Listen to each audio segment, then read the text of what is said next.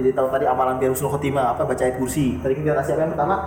Baca ayat kursi. Habis sholat satu kali biar husnul khotimah. Yang kedua apa? La ilallah setiap hari 100 biar mulutnya refleks pas lagi sakratul maut. Yang ketiga? Bergaul dengan orang-orang baik. Ya biar kecepatan baiknya biar meninggal dalam keadaan baik. Karena biasanya bergaul dengan orang-orang baik meninggal dalam keadaan baik. Yang keempat? Terakhir Berharap besar. berharap besar ke Allah. Apa maksud berharap besar ke Allah? Kalau sudah sakit maut lagi koma itu dia nggak lepas ingatan pasti sadar. Cuman hanya saya nggak bisa nggak bisa buka mata. Cuman sadar belum meninggal dia sadar tuh cuma pusing. Udah udah udah udah nggak bisa buka mata udah berat. Maka ketika itu jangan lupa ucapan Ustaz. Dalam hati bilang ya Allah saya yakin seyakin yakinnya bahwa engkau itu akan memasukkan saya ke sorga akan menghapuskan dosaku dan itu kecil saya yakin banget ya Allah. Saya berharap besar kepada